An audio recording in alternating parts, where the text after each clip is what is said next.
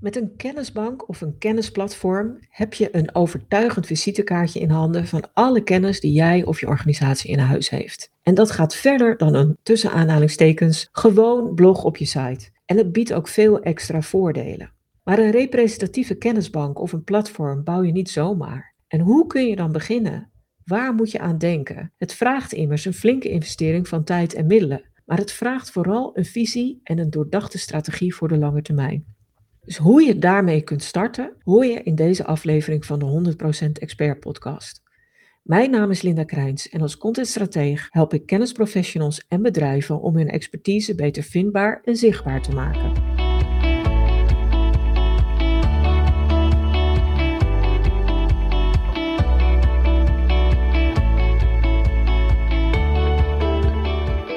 Zoals ik in de intro al aangaf, is een kennisbank of een kennisplatform meer dan een blog op een website. Maar een blog kan er op zich wel een belangrijk deel van uitmaken. Want bij een kennisbank denk je aan een plek waar kennis gedeeld wordt en waar de doelgroep die kennis ook kan komen halen. Dus dat is over het algemeen toch wel iets meer dan alleen maar een blog. En een kennisplatform biedt weer meer dan een kennisbank. Want dit is niet alleen een plek waar kennis gedeeld wordt en waar mensen die dus kunnen komen halen, maar ook een plek waar mensen die kennis kunnen komen brengen. En waar kennis met inbreng van anderen kan groeien. En om je een idee te geven van wat een kennisplatform allemaal in kan houden, wil ik je een paar voorbeelden geven. En uh, die, die, kun je eventueel ook online opzoeken, behalve het eerste voorbeeld, maar toch wil ik hem wel even noemen vanwege de scope die, die, die dat platform had. En dat is een voorbeeld van Deloitte en dat heette Deloitte Insights. En dit platform viel me een paar jaar geleden echt op, omdat het zo groot was zo omvangrijk en ook eigenlijk zo imponerend. Want het platform bevatte inzichten, research, trends rond verschillende contentclusters. En dat waren best grote en brede clusters, namelijk strategie, economie en maatschappij, organisatie, mensen en technologie. Allemaal onderwerpen die van belang zijn voor de klantendoelgroep van Deloitte natuurlijk. Maar met die vijf onderwerpen had het platform heeft het platform wel een enorme scope. Want ze bedienden met het platform ook nog eens een keer bedrijven in zes verschillende branches. En dat allemaal onder het motto Where IDs Prosper. En behalve dat online platform waar heel veel kennis gedeeld kon worden, maar waar ook mensen kennis konden inbrengen, was er ook nog eens een keer een magazine en deed men ook heel veel op social media.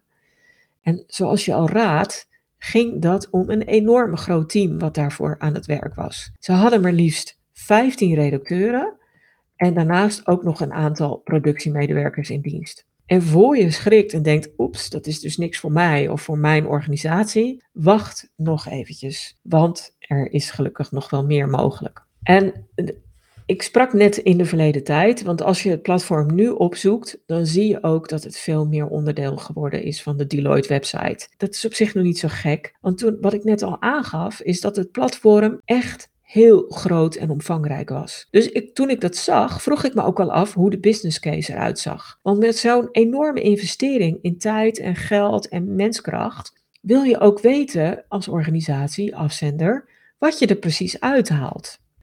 En dat is niet alleen soms lastig om vast te stellen, maar bij zo'n enorme investering is het ook heel lastig om aan alle verwachtingen te voldoen.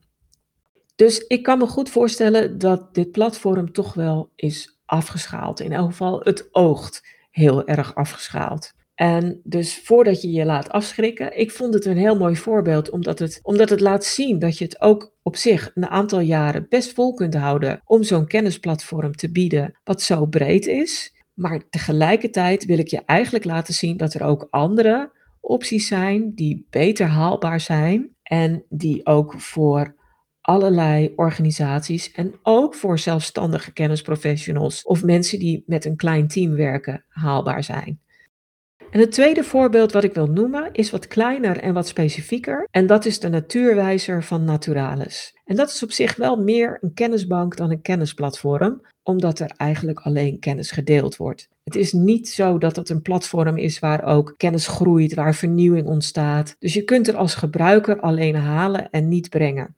Maar met die natuurwijzer heeft Naturalis een kennisbank gemaakt voor leerlingen en scholieren die informatie zoeken voor een spreekbeurt of een werkstuk. En omdat ze hun doelgroep zo duidelijk afgebakend hebben, kunnen ze die kennisbank ook goed afbakenen.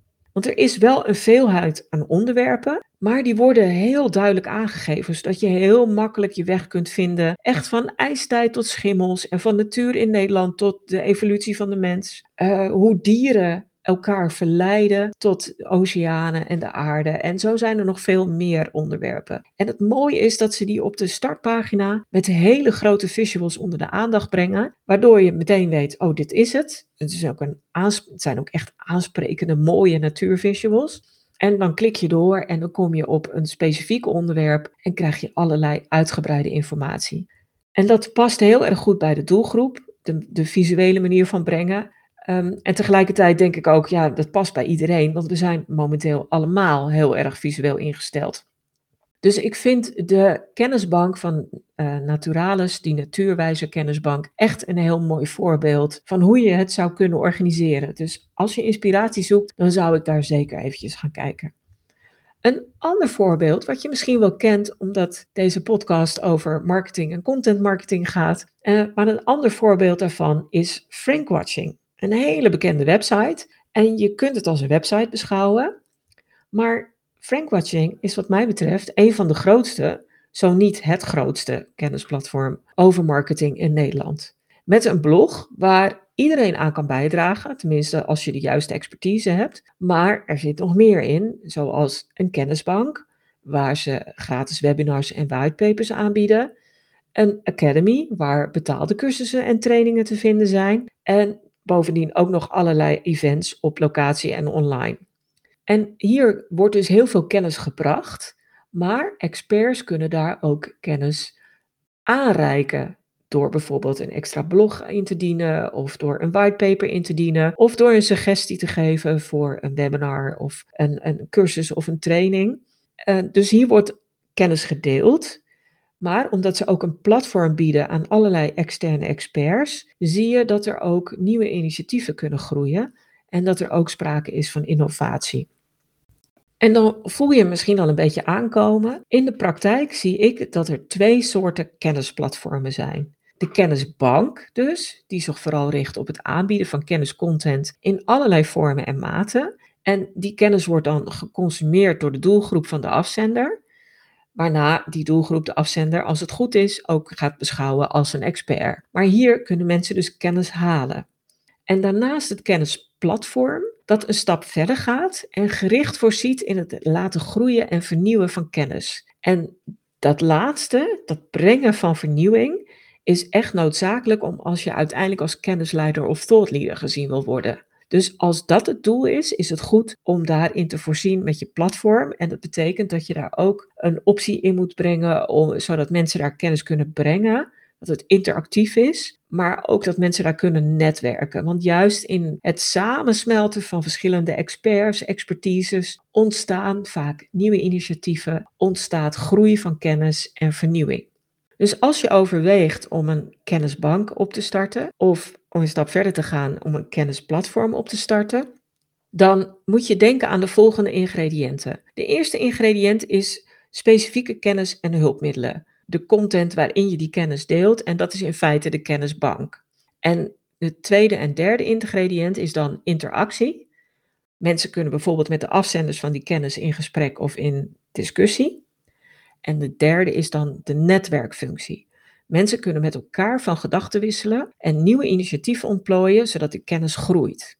En dat hoeft niet met iedereen te zijn die het platform komt, te gebruiken, komt gebruiken. Maar dat moet in elk geval wel een aanzienlijk deel van die groep gebruikers zijn. En waar dat kennisplatform dus verder gaat dan die kennisbank, ik zei het net eigenlijk al, draait het ook om een gemeenschappelijk belang. Gebruikers willen samen bepaalde kennis verder brengen of deze ontsluiten voor anderen. En dat betekent dus dat een kennisplatform meer is dan alleen maar een visitekaartje voor jou, van jouw kennis, maar ook een facilitator is. En wel met jou of jouw organisatie als afzender en als drijvende kracht, waardoor de waarde van het kennisplatform uiteindelijk met jou geassocieerd wordt en aan jou wordt toegekend. En als je bedenkt wat ik net zei over Naturalis en die Natuurwijzer en hoe mooi ze dat visueel in beeld gebracht hebben, dan brengt me dat op een extra ijs. Want bij het verkennen van kennisplatformen voor deze podcast viel me op dat bij aardig wat platformen het aan één ding schortte. En dat is dat er geen duidelijke route door de kennis heen was. Dan was er bijvoorbeeld wel heel veel kennis bij elkaar gezet. En waren er ook nog extra opties toegevoegd, waarmee mensen met elkaar in contact konden komen. Maar moest je als bezoeker of gebruiker wel zelf maar zien dat je je weg vindt. En dat is zo jammer. Want een echt succesvol kennisplatform wijst de weg en geeft de gebruiker ook een routekaart, zodat iedereen goed kan vinden wat hij zoekt en zijn eigen kennis kan laten groeien. Dat betekent dat je naast die ingrediënten net, dus die kennis, de interactiemogelijkheid en de netwerkfunctie, ook een didactisch aspect niet uit het oog moet verliezen. En uh, Naturalis heeft mensen al geholpen om de weg te vinden. En als je dan binnen één onderwerp bent, dan is het eigenlijk wel één afgebakend geheel. Dus zij hoeven ook niet te mensen van het ene stuk kennis naar het volgende stuk kennis uh, te, te wijzen. Want ben je geïnteresseerd in de ijstijd, dan ben je waarschijnlijk niet geïnteresseerd in hoe dieren elkaar kunnen verleiden en elkaar het hof kunnen maken. Dus dat zijn afgebakende stukken. Maar vaak heb je met een kennisbank of een kennisplatform heb jij jouw vakgebied of een bepaald deel van je vakgebied als onderwerp. En dan wil je wel dat mensen echt goed hun weg kunnen vinden. Dus daar kun je een, een visuele vormgeving en, en, navigatie bij gebruiken, maar je kunt het ook explicieter maken uh, door mensen nadrukkelijk de weg te wijzen met bijvoorbeeld een, een route-suggestie van: hey, je hebt net dit gekeken of gelezen. En nu zou je daar of daar naar kunnen doen, want dat is een follow-up of een uitbreiding van de kennis of het is een gerelateerd onderwerp dat vraagt nog best wel veel nadenken, maar ook een extra element wat je moet inbouwen in een platform. Vind je dat nou te veel gedoe, te veel moeite of uh, voorziet de techniek uh, niet waar je voor gekozen hebt, dan kun je ook heel goed kijken hoe je de navigatie zo goed mogelijk kunt organiseren. En of je bijvoorbeeld ook gebruik maakt van filters en tags, zodat je mensen in elk geval faciliteert om hun weg te vinden. Ja, dat zijn een aantal basiskeuzes. Dus je kunt in feite kiezen voor een content kennisbank, waarin je kennis deelt en ontsluit. Of je kunt ervoor kiezen om een stap verder te gaan en te kiezen voor een content kennisplatform, waarbij je ook plek biedt aan het laten groeien van nieuwe kennis en een plek biedt aan interactie en netwerkmogelijkheden. Waar je dan voor kiest, hangt sterk af van je doelen en van de doelgroep die je hebt. Sommige doelgroepen hebben geen baat of belang bij het laten groeien van kennis en willen vooral een plek hebben waar ze relevante kennis kunnen komen halen. En andere doelgroepen willen dat juist wel. Wat ook kan, en dat zie je bij B2B-beslissers wel, wel veel, is dat men in eerste instantie vooral komt halen, maar dat ze er wel degelijk belang aan hechten dat er ook nieuwe kennis tot stand komt. Dus zij waarderen het als ze zien van hé, hey, hier wordt ook gewerkt aan nieuwe ontwikkelingen. Dus ja, de keuzes in content hangen ook heel erg af van je doelen en van je doelgroep. Dus de keuzes die je maakt, of je gaat voor een content kennisbank of dat je gaat voor een content kennisplatform, hangt heel erg af van de doelgroep, maar ook van je eigen doelstellingen. En stel, als je bedenkt dat een kennisbank of een kennisplatform echt wel een optie zou kunnen zijn voor jouw organisatie of voor jou als professional, dan raad ik je aan om daarvoor echt een plan van aanpak te maken. En dat kan meer zijn als je in je eentje bent met een klein team. En het kan wat uitgebreider. Maar met zo'n plan van aanpak begint bij het benoemen van de doelen die het kennisplatform of die kennisbank voor jou heeft. En dat draait eigenlijk om twee vragen. Dus je, je kunt het ook redelijk sumier doen. De eerste is, wat moet het platform voor jou doen? Maak dat expliciet. En de tweede is, wat moet het platform voor de gebruiker doen? En als je die twee vragen in je hoofd houdt, dan kom je al heel snel tot een duidelijke richting en uiteindelijk ook tot een strategie. Want wat moet een kennisbank of een kennisplatform voor jou doen? Nou, ik noem het voorbeelden. Je kunt het gebruiken om je autoriteit te bevestigen, om bezoekers te trekken en je bekendheid te vergroten, om kwalitatieve leads te realiseren, om een community te creëren bedenk dan welke rol die community voor jou moet vervullen. Als je zegt ik wil een community, dat is voor mij van belang. Je kunt hem inzetten om samenwerking te realiseren met anderen, met andere experts. Je kunt hem ook inzetten als een middel om inzicht te krijgen. Bijvoorbeeld door de gebruikersdata, omdat je monitort waar de meeste belangstelling naar uitgaat. En met die inzichten zou je je aanbod kunnen fine-tunen of kunnen uitbreiden. En die tweede vraag is natuurlijk ook super belangrijk. Wat moet het kennisbank of een kennisplatform voor je doelgroep doen? Want als je dat doel niet dient, dan zul je nooit het resultaat boeken dat je nastreeft. Moet het een betrouwbare plek zijn waar zij kennis kunnen halen? Moeten ze daar steun of kennis vinden binnen een community? Moeten ze daar extra vragen kunnen stellen als ze bijvoorbeeld niet helemaal kunnen vinden wat ze zoeken? Of als ze echt de verdieping opzoeken? Hè? Een B2B zie je dat nogal. Men zoekt de verdieping, men zoekt antwoorden voor de eigen situatie. En daar zou je ook op in kunnen spelen. Dus het is ook heel erg belangrijk om te bedenken van wat zoekt die doelgroep, wat zoekt die gebruiker van je platform. En als ze dan een plek zoeken om kennis te vinden, wil je dan brede kennis of wil je dan verdieping bieden? Dus daar zijn allerlei mogelijkheden in. En daarna, als je de doelen voor jezelf en voor de doelgroep in kaart hebt gebracht, is het echt zaak om te bepalen op welke manier je zowel de doelen voor jou als de doelen voor je doelgroep kunt realiseren. Met welke content kun je dat doen en met welke functionaliteiten kan dit je gaan lukken? En zeker als het je ook om interactie en netwerkfunctie gaat, zijn die aanvullende functionaliteiten heel belangrijk. En die kun je vanaf het begin realiseren, maar je kunt ze ook op een wat later moment gaan toevoegen. Maar waar het om gaat is dat je al voordat je begint bedenkt of je die functionaliteiten nodig hebt en hoe je dat nu of later technisch kunt organiseren. Want vaak maak je in het begin allerlei keuzes voor een type platform, type software. En dan wil je wel dat het ook voor de lange termijn echt voldoende is, zodat je niet tussentijds hoeft te switchen. Want dat veroorzaakt heel veel hoofdpijn en over het algemeen ook financiële pijn. Als je de doelen voor ogen hebt, dan zou je verder kunnen gaan met een content inventarisatie.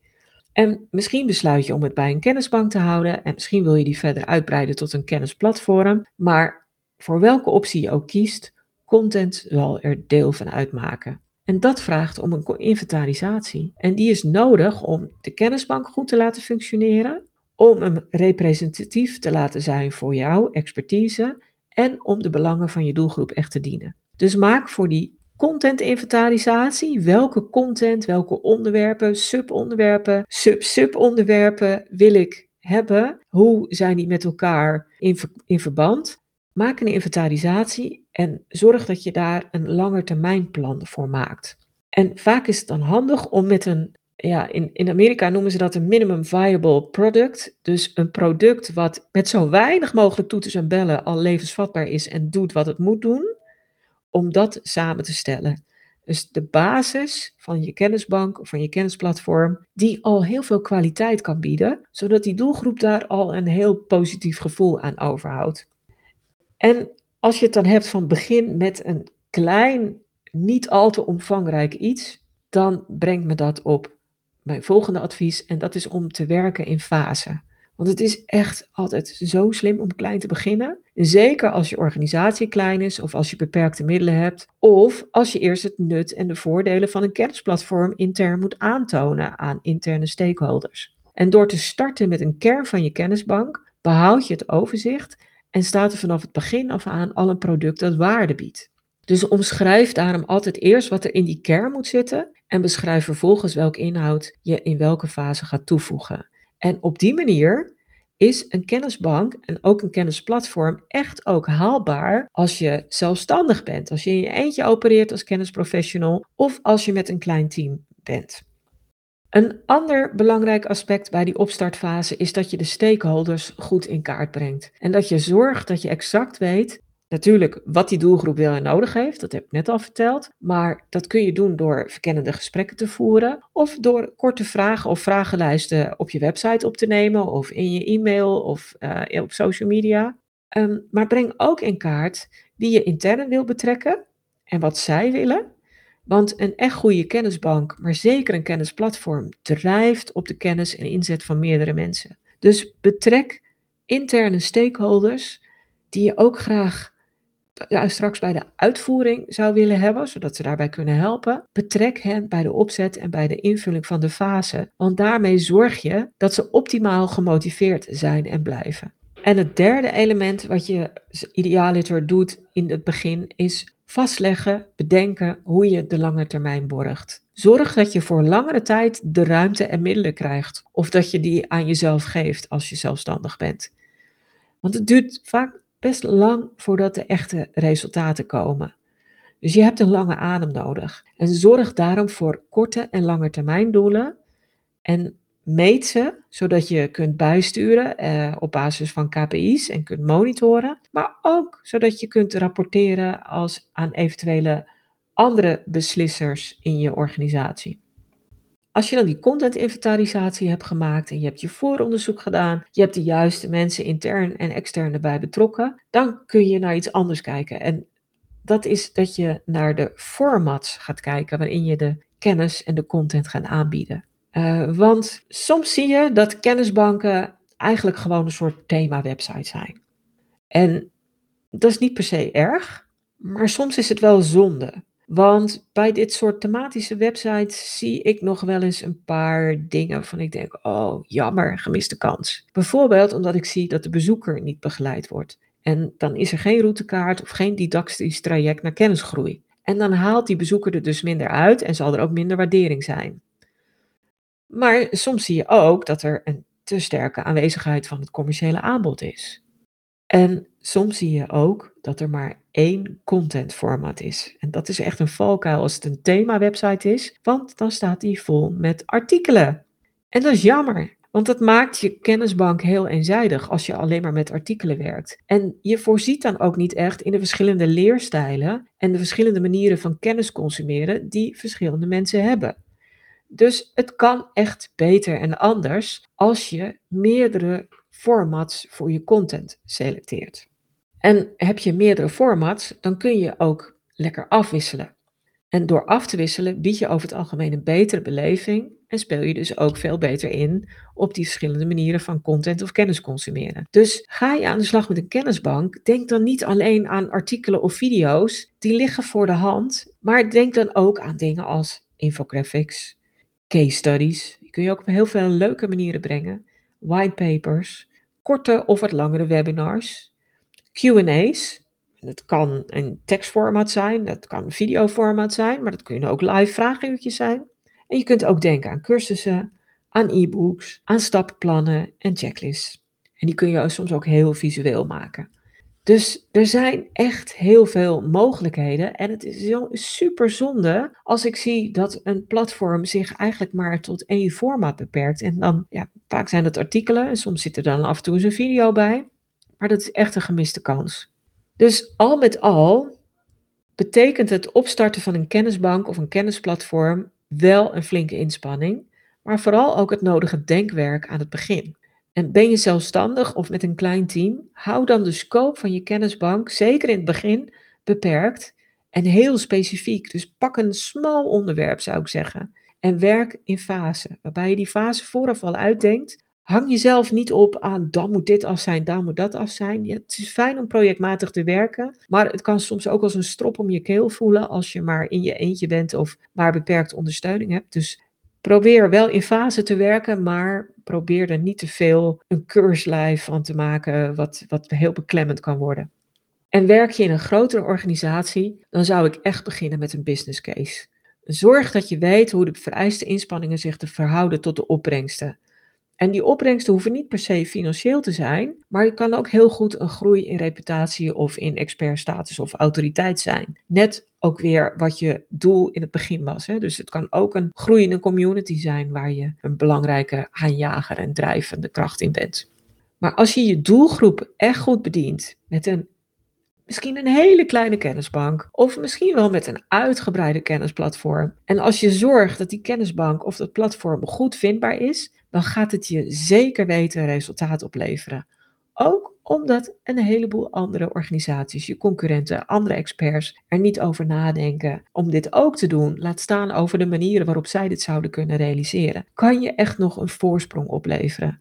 Want ook een kleine kennisbank of een klein kennisplatform kan heel goed je reputatie laten groeien, zorgen voor vernieuwing en kennisgroei, zorgen voor een communitygevoel of allerlei interessante samenwerkingen, kan zorgen voor leads van hoge kwaliteit en het kan je extra veel inzicht bieden in je doelgroep. Dus ik hoop dat ik je hiermee een beetje enthousiast gemaakt heb en je hebt laten zien hoe je zou kunnen beginnen en hoe je ook heel klein kan beginnen, zodat een kennisbank of een kennisplatform ook binnen jouw bereik ligt en je daar ook een heel mooi succes van kan maken.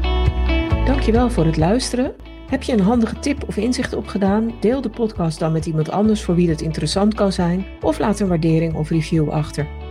Wil je meer weten en gericht bouwen aan je expertstatus? Op mijn website help ik je met veel plezier op weg. Met blogs, checklists en stappenplannen bijvoorbeeld. Maar ook met online masterclasses, één op één marketing power sessies en met de expertkring. Het traject voor wie wil groeien als expert en kennisleider. Je vindt het allemaal op stroop.nl en ja, stroop schrijf je met dubbel S.